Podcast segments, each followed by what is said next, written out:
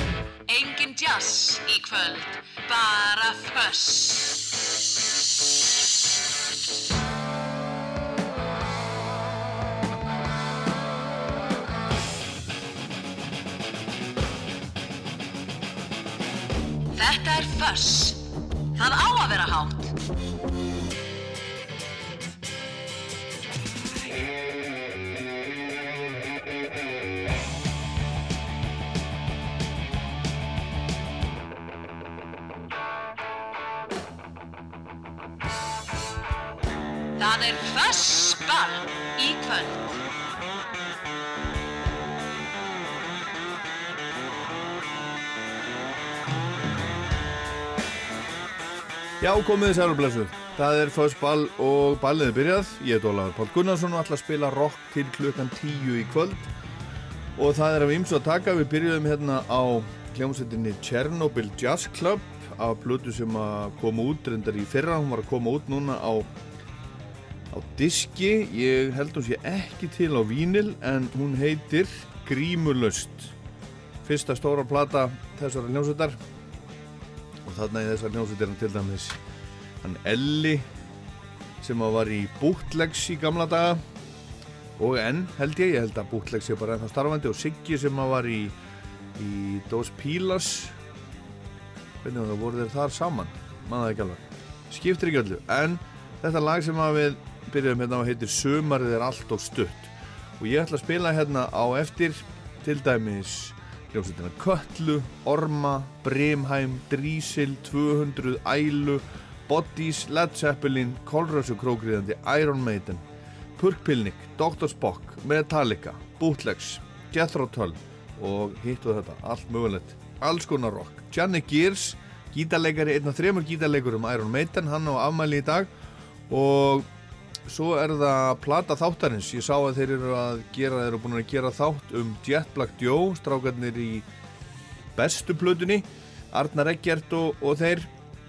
Og eh, Arnar skrifar hérna á Facebook síðu bestu plötunar umræðu hópur, 2500 meðlumir þar. Tildrög þáttarins liggja hjá doktornum eftir að hafa heyrt Jet Black Joe lag enn eina ferðina í útvarpinu og hugsað djöfull er þetta gott. Var sveitin færið hratt og duglega efst í Excel-skjali góða í þessa sendi för Mission yrði haldið. Aðkoma bestu plötu þrýkisins að Jet Black Joe er ólík sögum aldus og smekkstöð á þeim tíma.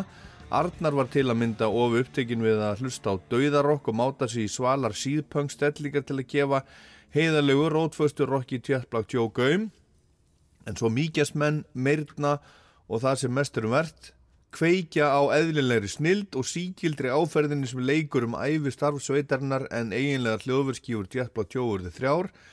Þessi samnemda 1992 You Ain't Here 1993 og svo Fuss 1994 Jú og svo ein endur komu plata Full Circle 2006 Gruggið var allsráðandi á tíund áratögnum en Jetblad Joe var ekki slík, tónlistin var á þétt, bundin við sígilt melodist rock frá sjönda og áttunda áratögnum og sá kunnuleiki fleitt í Jetblad Joe liðum mögulega svona lánt.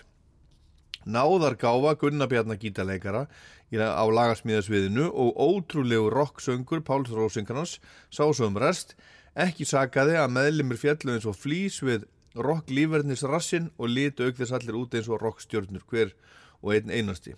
Þetta dæmi var skrifað í skín, góða skemmtun og besta platan, sagt, þetta, er, þetta er komið, þessi þáttur er, er komin út á og er á öllum helstu hlaðvarpsveitum.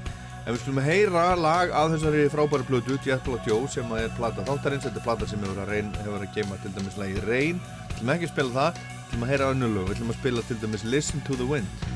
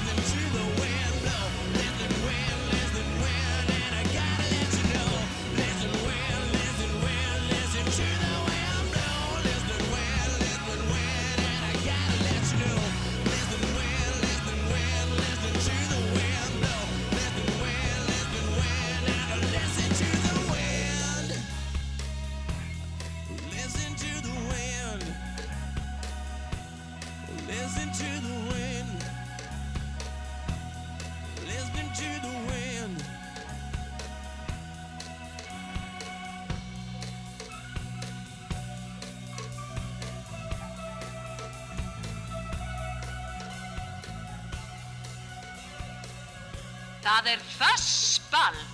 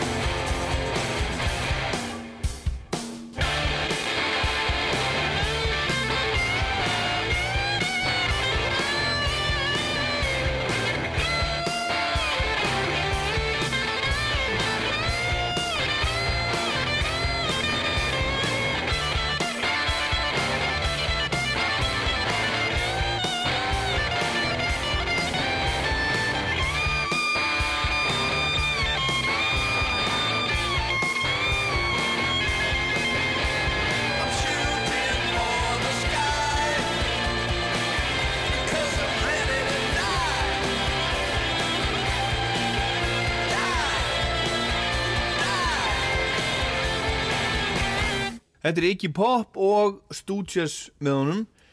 Þetta er titila plötu sem að koma út ára 2013 og heitir Ready to Die og þetta er eh, fymta og síðasta plata Stooges en Iggy, hann var að senda frá sér plötu núna í januar 19. stúdíoplötuna hún heitir Every Loser og það er laga henni sem heitir Frenzy sem er til dæmis á toppnum á vinsallalistanum á Exinu sá ég, Dominus listanum en þannig eru með Iggy, Josh Klinghoffer sem var í Red Hot Chili Peppers hann, er, hann spilar á gítar og hljómborð.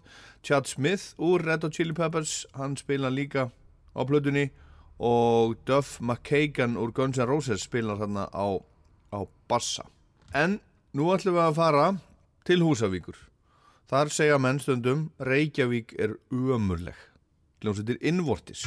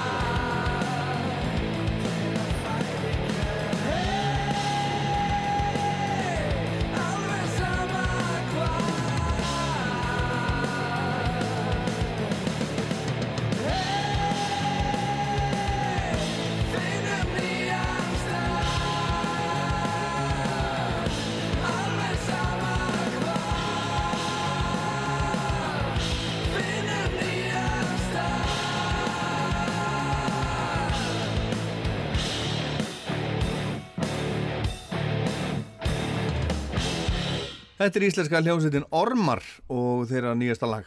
Heitir Seint.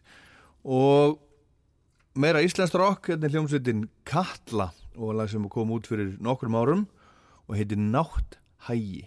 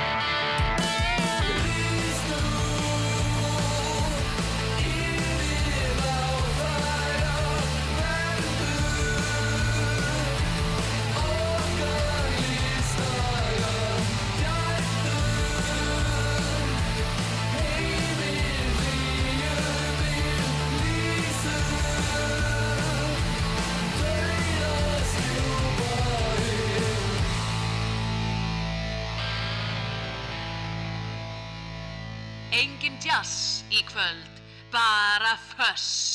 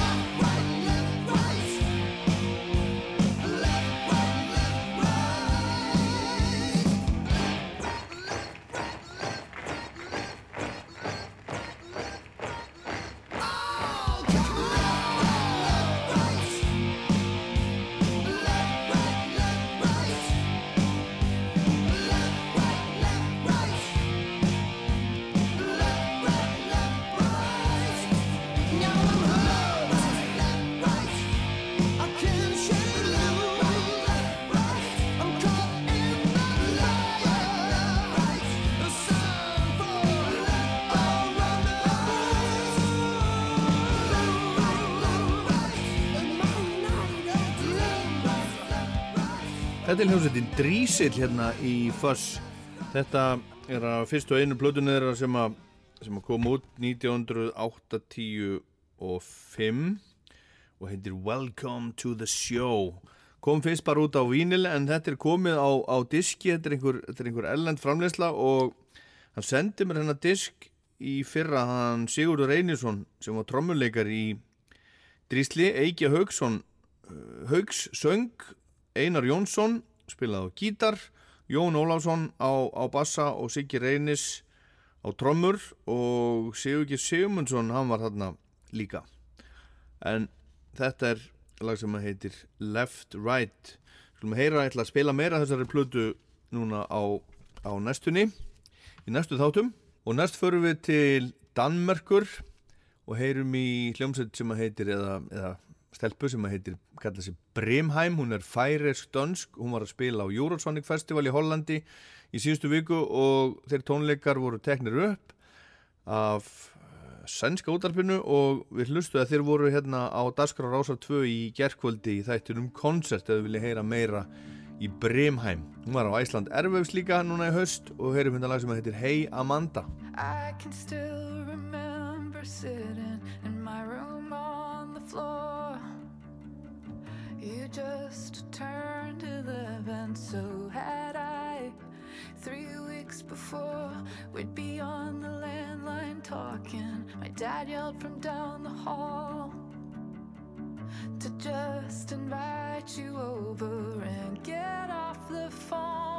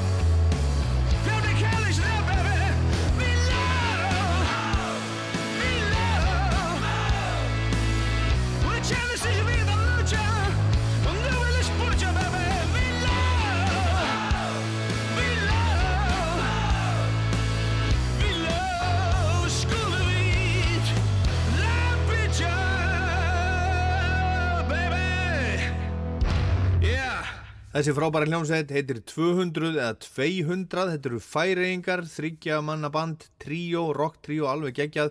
Þau eru tviðs að spilað á Íslandi og það er verið að vinni því að þeir komið aftur hinga núna í apríl og spili þá jafnvel einhver staðar í Reykjavík með hljómsveitinni Ham.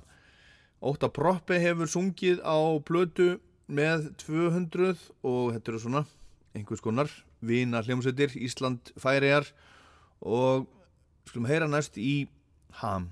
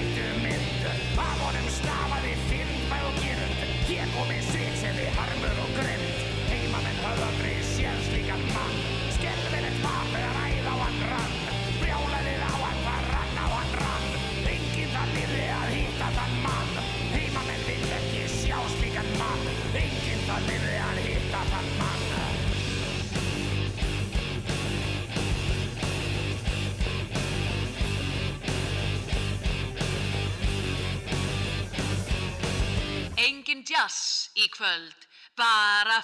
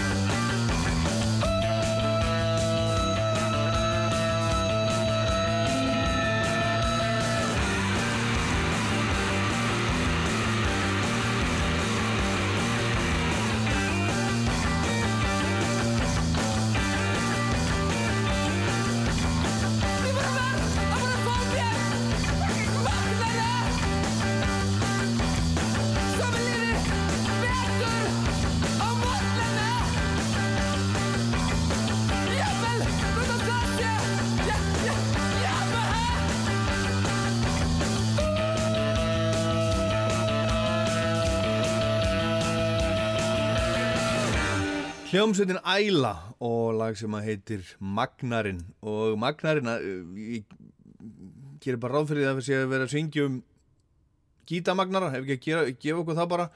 Annars er það þannig að sem vilja meina að það skipti einhver máli um hvað lög til dæmis fjalla þó að einhver búið til lag og segi lægið fjallar um þetta eða segi það ekki, heldur hugsa það bara. Hann veit að lægið fjallar um þetta það voru þessar hugreiningar sem að ákveðna hugreiningar sem að, sem að framkölluðu tiltekið lag þá bara skipti það í rauninni engum máli vegna þess að það sé í okkar hendi sem að tökum við og hlustum um hvað lagið fjallar. En ég segi bara þetta lag fjallar um, um gítarmagnara og þeir voru alltaf með stóra, ég heldur að vera með Mesa Boogie gítarmagnara þeir Pollock-bræður í utangasmönnum á sínum tíma.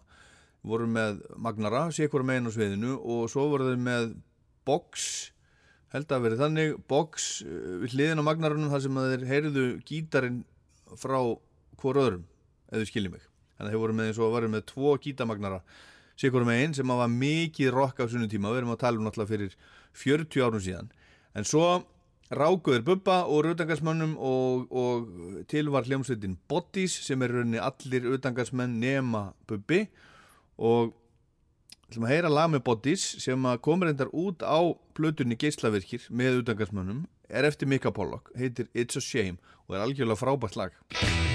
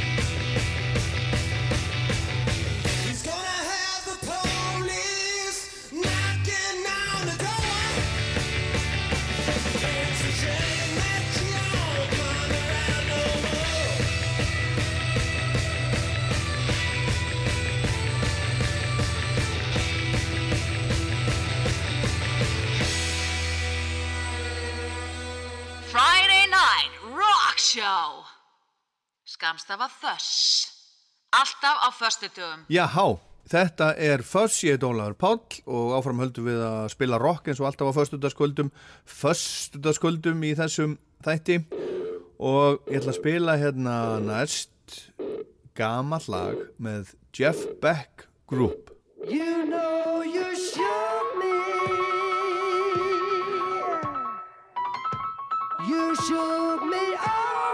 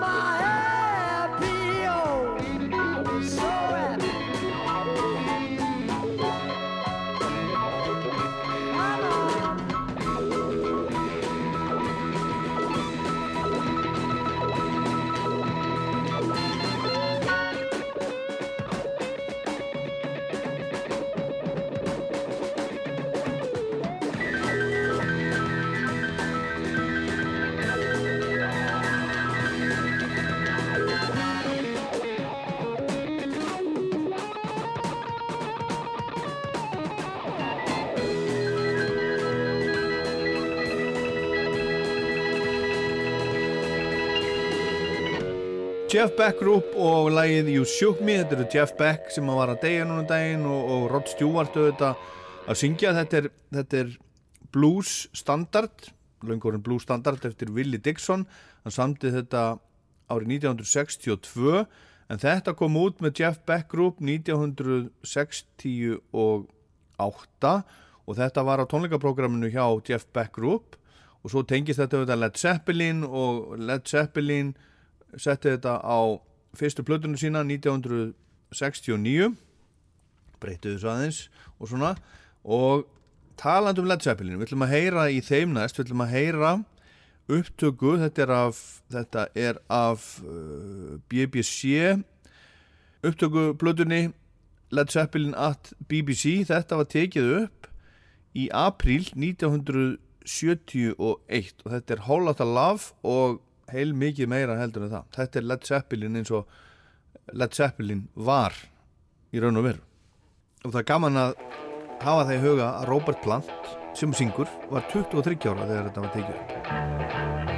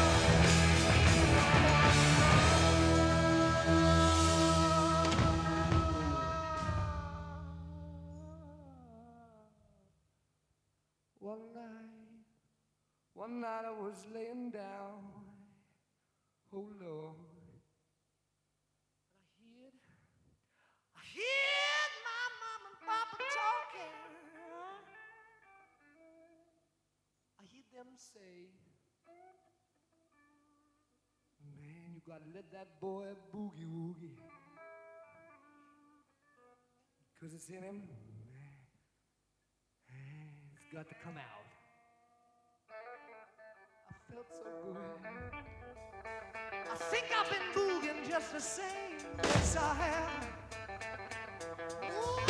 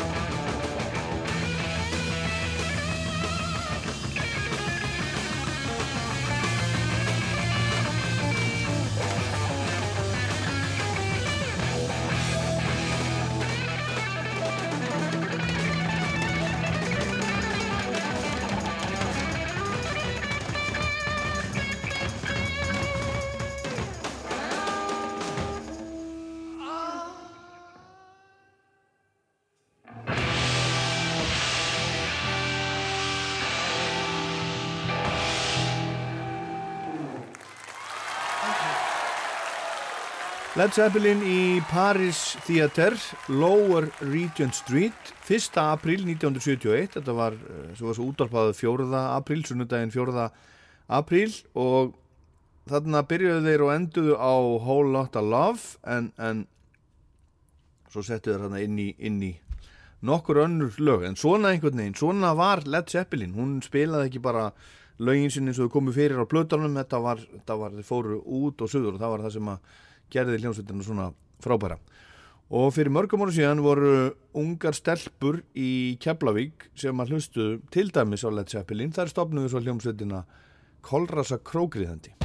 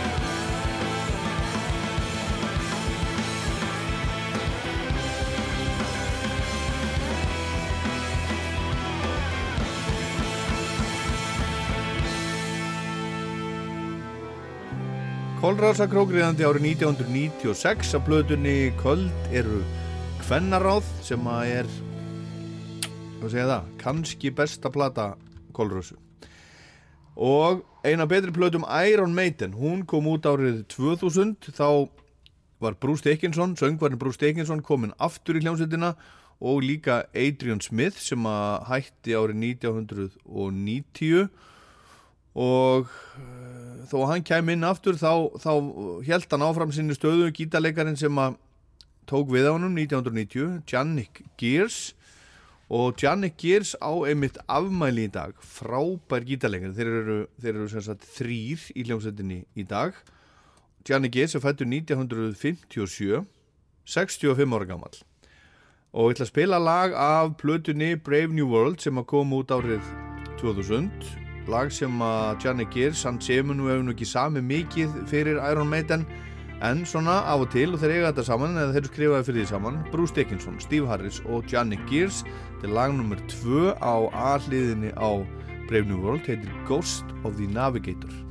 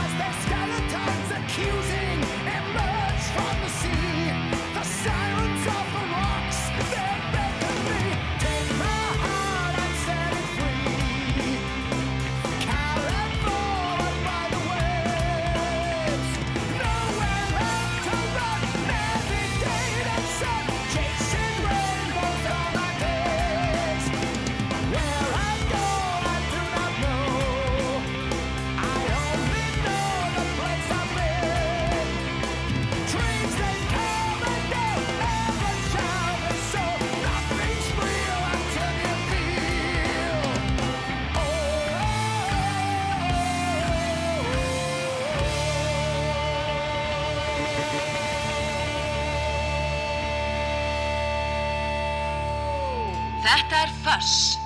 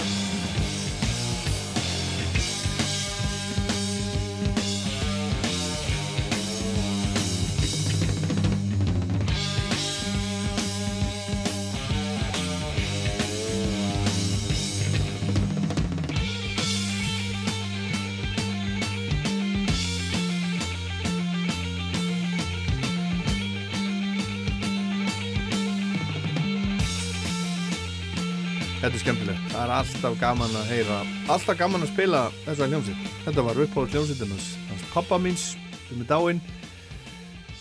Black Sabbath, þetta er af plötu sem að var með til í plötusafnu hans og er núna í plötusafnu mínu. Þetta er önnur plata Black Sabbath frá 1970, Paranoid og þar er aðalægið þetta, Paranoid, Warpigs er þarna, Planet Caravan, Iron Man, þetta er loka lægið á bjöliðinni, heitir Fairies Wear Boots. Meira er smá. Föstudagskvöld er gott kvöld.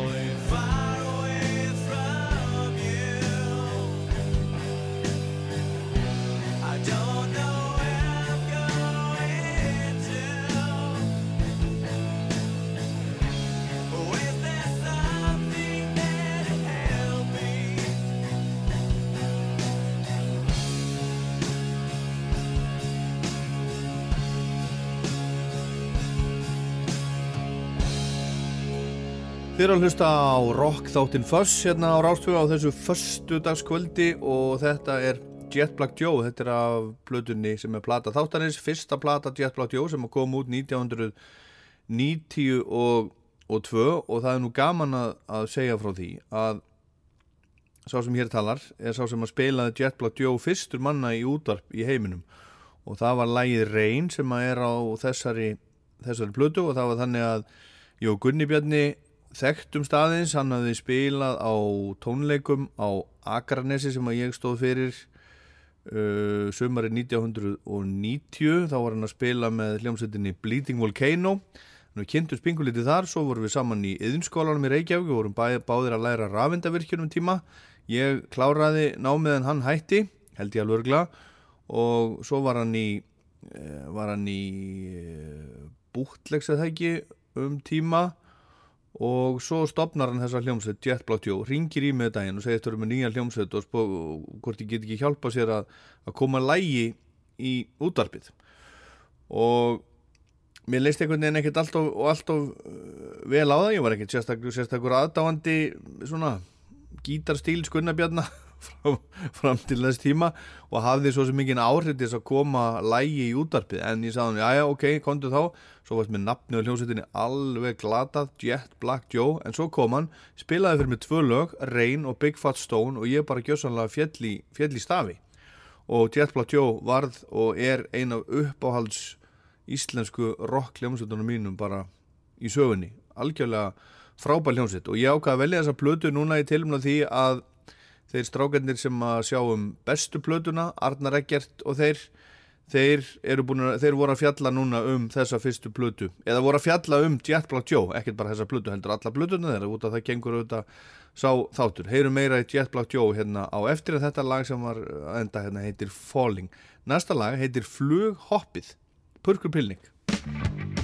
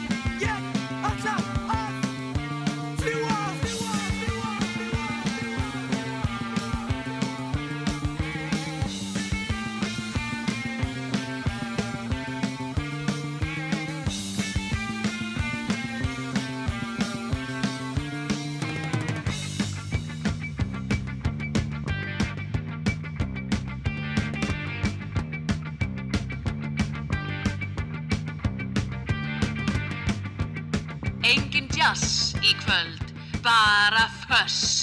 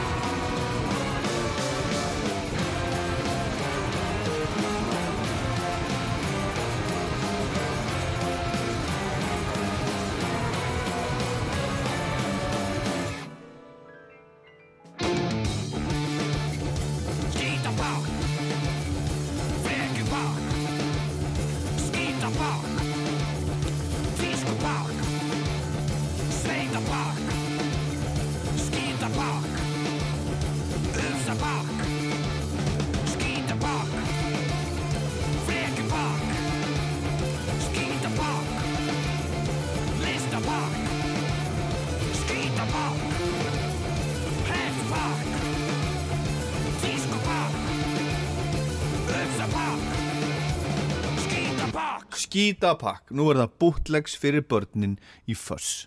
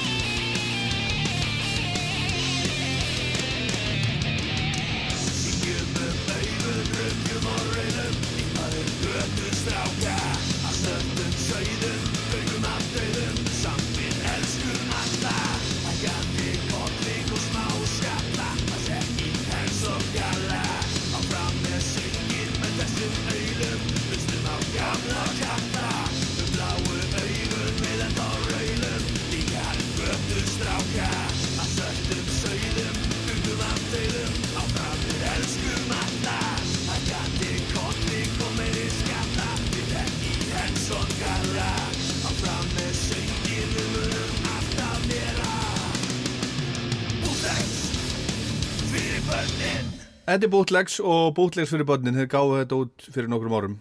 Hljómsveitin Bootlegs íslenska trassmetal hljómsveitin nummer, eitt.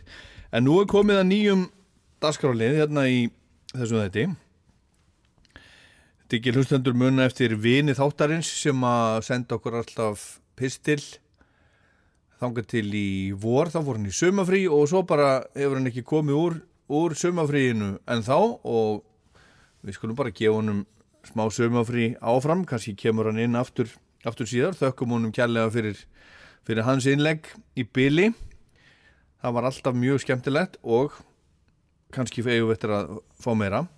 En núna er ég búin að byggja annan mann um að vera með smá innlegg allavega núna nokkara þætti fram í tíman og það er engin annar en Kitty Kanina. Kristinn Sæmundsson kaupmaður, fyrirverandi plötu kaupmaður, Kitty sem var með hljómalindabúðina á laugavinnum sinni tíma og ólu preinlega heila kynnslóð uh, tónlistar áhuga fólks á Íslandi á sinni tíma, hann var ótrúlega uh, bara mikilvægur í íslensku tónlistasenunni í langa tíma. Við minna farið fyrir hann núna undanfærin ár og núna býr hann upp í sveit hann býr einhver staðar í Grímsnesinu, ég hef ekki, ekki komið til hans en ég talaði við hann og spurði hann hvort hann væri til í að uh, senda okkur, núna allavega nokkur sinnum smá innlegg í þáttinn smá kynningu og lag sem að hann velur og hann saði bara auðvitað já og yfir til þín, Kitty Góða kvöldið, þetta er Kitty Kanina og postkortið hans úr Grímsnesinu þessa vikuna. Við ætlum að byrja hérna í fössinu á því að reyna að tengja saman pínlítið danstónlist, rocktónlist og punk. Það byrjum við á því að gera með því að nefna til leiks KLF, Copyright Liberation Front, also known as the Justified Ancient of Mumu. Uh, þetta tilrauna verkefnið þeirra er stopnað 1987 af þeim Bill Drummond og Jimmy Cotty sem hafa viðfema tengingar um tónlistabransan sem við nefnum ekki að fara um of úti hér í kvöld. En sem sagt, þeir ákveða að gera ferilinn eiginlega að samfelldu listaverki, innsetningu til að gera allt vittlust í bransanum, augra öllu og brjóta alla reglur. Þeir gera tvær plötur, Chill Out og White Room. White Room verður mest selda plata í heiminum 1991 og þeir bara vinsalasta band í heiminum. Og þeir eru náttúrulega tilnetti til vellauna og, og merkja alls konar og til dæmis á, á Britta Vortáttíðinni 92 þá gera þeir allt vittlust. Þeir átt að koma fram og svona eins og gengur að gerist á svona velunaháttíðum en þeir höfðu heyrt í hljómsveit sem þeim fannst versta hljómsveit í heimi Extreme Noise Terror og fengu þá til að koma á hátíðina og flytja What Time Is Love uh, og áherendur gjössanlega þetta er mjög fyndið þetta er til á YouTube og, og fólk getur séð þetta. Og, og kvöldi var ekki búið uh, Bill frettaði síðan úr vélbissu yfir áhorfandu og uh, svo setna um kvöldið henduður döðri rollu yfir domnemdina skandalar bara í allar áttir. Uh, 1992 þá kansilur er öllum sínum katalóg og plötur þeirra voru ekki lengur fáanlegar og þetta er fyrir tíma internetsins þannig að, að plöturna voru bara ekki fáanlegar. Og, og þeir hóttuðu því að þær eru ekki fáanlegar aftur fyrir en með heimsfriði. En bútlegar og, og hliðarútgáfur og annað hefur lekið svo sem síðar. Og og hérna það, það var til dæmis frækt 1994 þegar þeir brendu miljón pund á skoskri eigu um það til uh, sjómasmynd uh, þeir uh, þeir og Íslands tengingin það er náttúrulega Bill Drummond kom hinga með Echoandi Bunnymen 83 og, og þeir tóku hing, hérna sem sagt ljósmyndir með Brian Griffith fyrir Echoandi Bunnymen plötuna það sem er, er að lappa við Gullfoss í klækaböndum frækt umslag og, og, og flott mynd. Og svo sem sagt ætluðu þeir að, að uh, koma hingað á, á Uxa 95, það stóð til. Og þeir voru á leiðinni til landsins með skriðdrega frá Englandi sem var búið að breyta í hljóðkerfi. Jimmy Cotty á tvo slíka. En þetta var skráð ennþá sem hergagn og uh, tollavandræði kom í veg fyrir það að, að, að, þetta næði um borð í bátinn fyrir brottför.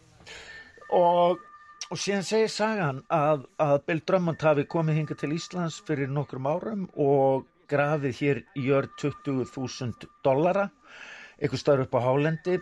Og og þetta var semst ljósmynd af Íslandi og hann reif sem hann hafi keft á 20.000 dollara af einhverjum fræðum ljósmyndira og, og hann semst reif myndina niður í 20.000 búta og seldi hvert bút á dollar og gróf síðan andverðið eitthvað staðar í hörð hér á Íslandi. Semst þessi fjársjóður er enn og fundin og KLF sem sagt uh, uh, 23 hefur verið talaðira og í árið 23 þannig að, að það má svo sem búast við einhverjum ólíkindum frá þeim. Þeir gá, endur útgáðu White Room á síðast ári með enn betra soundi en var og nýju lægi Það, og svo hafa þeir verið að búa til uh, People's Pyramid í, í hérna uh, Liverpool þar sem að sem sagt, fólk getur sendt inn ösku af sér. 23 gram af ösku sem fer í hvern, uh, hvern múrstein og svo verður þetta næstu áratugina í gangi að búa til eitthvað margra margra metra háan píramíta úr okkur fólkinu sem að gefum 23 gram af okkur í múrsteina uppbygginguna. En lægið sem við ætlum að hlusta á er What Time Is Love, America, gefið út 1991. Þeir fá Glenn Hughes, gamla söngvara út í Purple til að koma þarna með sér og hann var á lág-tindi ferilsins þarna í sökki og svinnari en hætt í dópinu og endurist í ferilin í kjölfarið á útgáfa þessu lægi. America, What Time Is Love, gjörðu þið svo vel. KLF.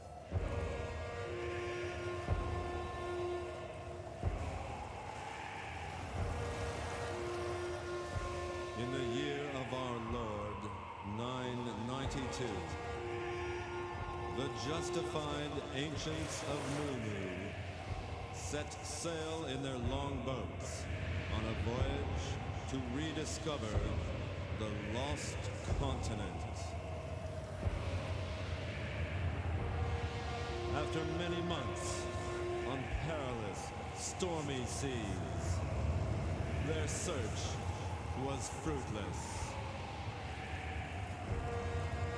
Just when all seemed lost,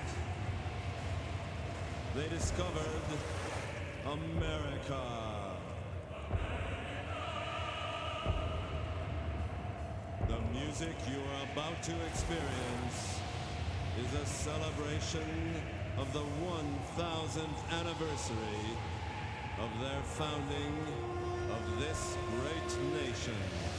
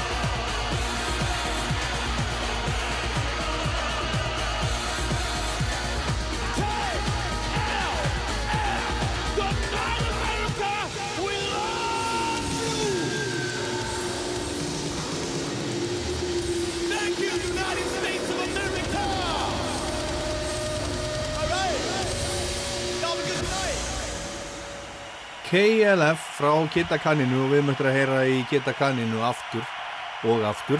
Allavega hann verður með okkur eitthvað, eitthvað áfram hann verður bara aftur í næsta þætti eftir viku, hann ætlar að senda okkur svona postkort úr sveitinni einhverja músík, eitthvað sem að mér hefði ekki dottið um, mér hefði til dæmis aldrei dottið að spila, spila þetta og það er bara vel meint. En þetta, þetta er svona, það er bara það sem að bara einn heili sem að er að búa eitthvað til, þá bara gerist eitthvað ákveðum, leið og kemur annar heili þar inn, þá bara gerist eitthvað allt annað til dæmis eins og þetta, KLF og Kitty er mikið í svona hann er náttúrulega mikill rockmaður, hann er rockmaður í grunninn en hann hefur líka mjög gaman af, af dansmusík og hefur, hefur alltaf, alltaf gert. Ég menna, hann flutti inn Prodigy á sínum tíma og, og svo margt margar hljómsveitir fullt af frábærum, frábærum rockljómsveitum og allt, allt mögulegt og eh, honum finnst skilst mér á honum skemmtilegast þegar þetta blanda saman svona rock og dans þannig að það sé rock sem er hægt að dansa við. Og nú ætla ég að bjóða okkur upp í dans. Lítinn dans með Metallica það er að koma plata frá þeim núna á þessu ári. 72 Seasons kemur út 14. apríl og ég er búinn að spila allavega tvisar ef ekki þrísvar í þessum þætti lagið Luxa Eterna sem að koma út um daginn. En svo var að koma nýtt lag bara í síðustu viku, ég ætla að spila það núna Screaming Suicide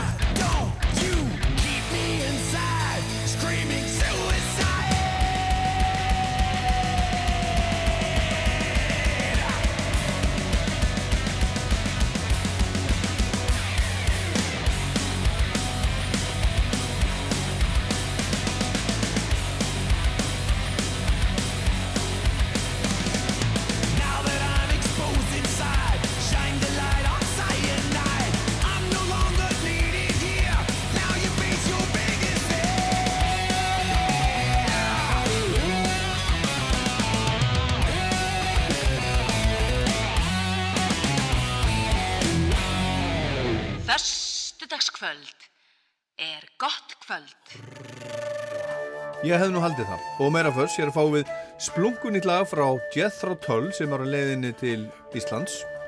Ekki fyrsta sinn og ekki í fjórða sinn. Þetta heitir Ginnunga Gap.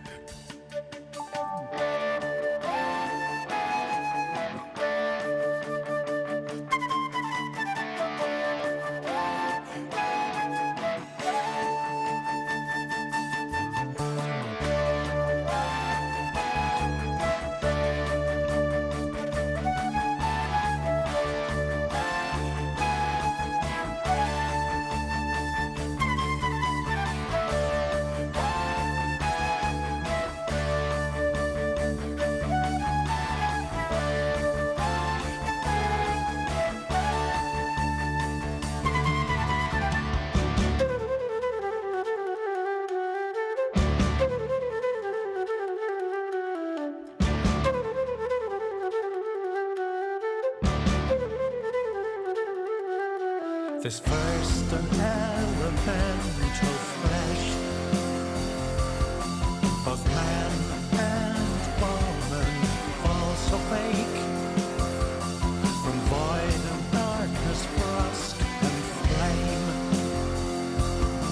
from sleeping in the world to make.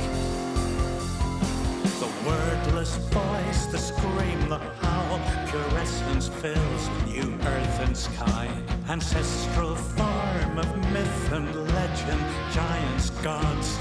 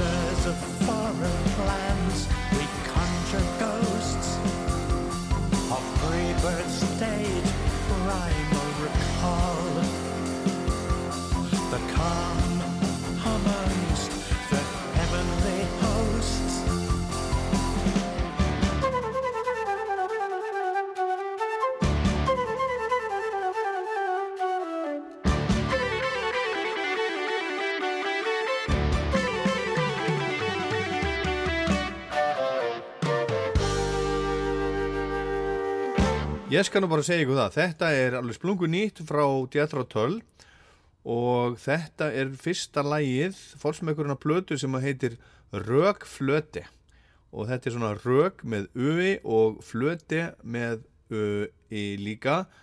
Þetta þýðir þetta bara rockflöita, lægið heitir Ginnungagap og platan kemur út bara nokkru dögum áður en að hljómsveitin spilar hérna á Íslandi, hún, hún kemur út platan 21. apríl. Í fyrra kom út plata sem að heitir The Seal of Gene sem er fyrsta plata Jethro Tull í 20 ár en nú er bara strax komin önnur. Og þetta er svona uh, norrænt, norræn uh, stemning í þessu. Uppaslægi heitir til dæmis Völusbá ekki, ekki samt sagt alveg nákvæmlega svo leiðis heldur Völusbó og Tull er sagt að koma hingað og spilar á tónleikum 4. mæ í Eldborgi Hörpu og það er bara mikið selt, það er, það er uh, allur salurinn, það eru öll sæti farið þar, það er sér niðri. Fyrstu svalir uppseldar og aðra svalir er að verða uppseldar líka og þetta verður það er alltaf uppselt þegar Jethro Tull spilar á Íslandi. Það verður alltaf verið þannig og verður líklega bara alltaf. En hér er bara flokkurinn. Ghosts on my ceiling, There's no other way to run.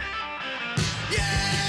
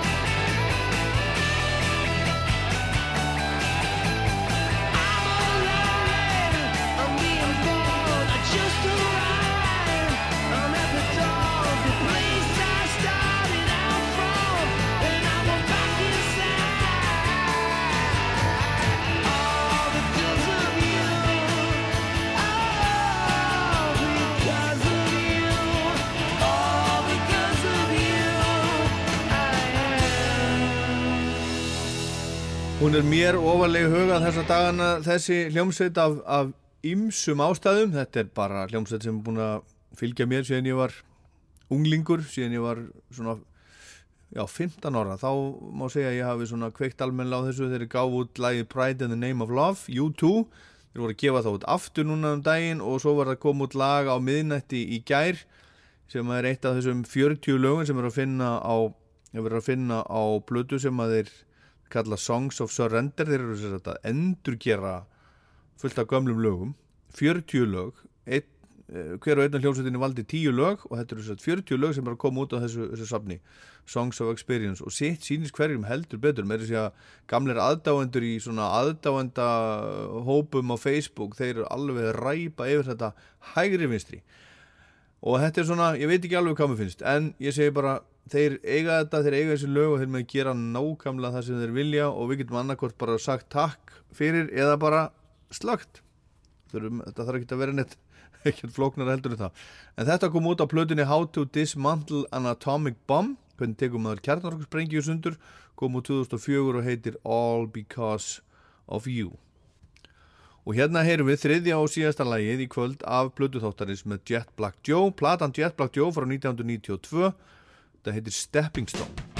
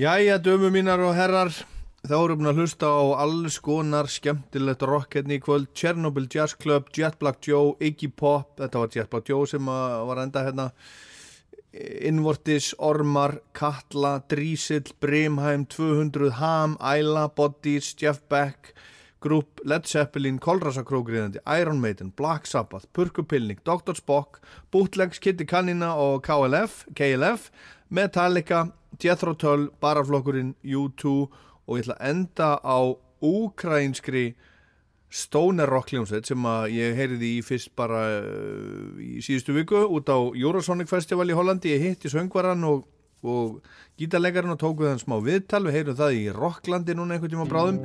En þetta er lag sem er með nokkra miljónu spilana á Spotify til dæmis, ég hafði aldrei heyrt það fyrir núna bara í vikunni, mest að fundi gott. Bandi heitir Stoned Jesus og lag sem, lagið heitir I Am The Mountain. Þetta eru þrý strákar frá Úkræn þeir eru magnaðir. Þetta var Fuss, ég er Tólaður Páll. Takk fyrir að hlusta og góða helgi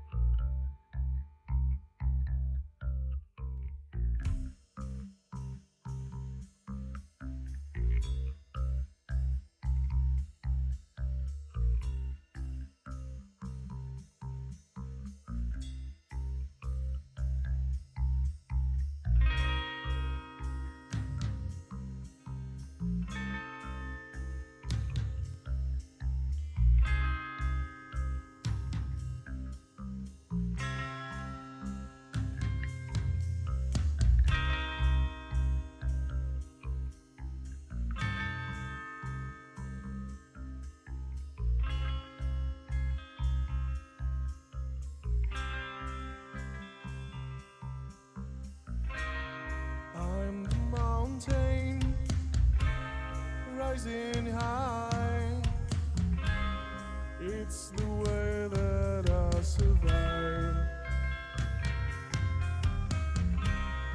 I'm the mountain, tell my tale.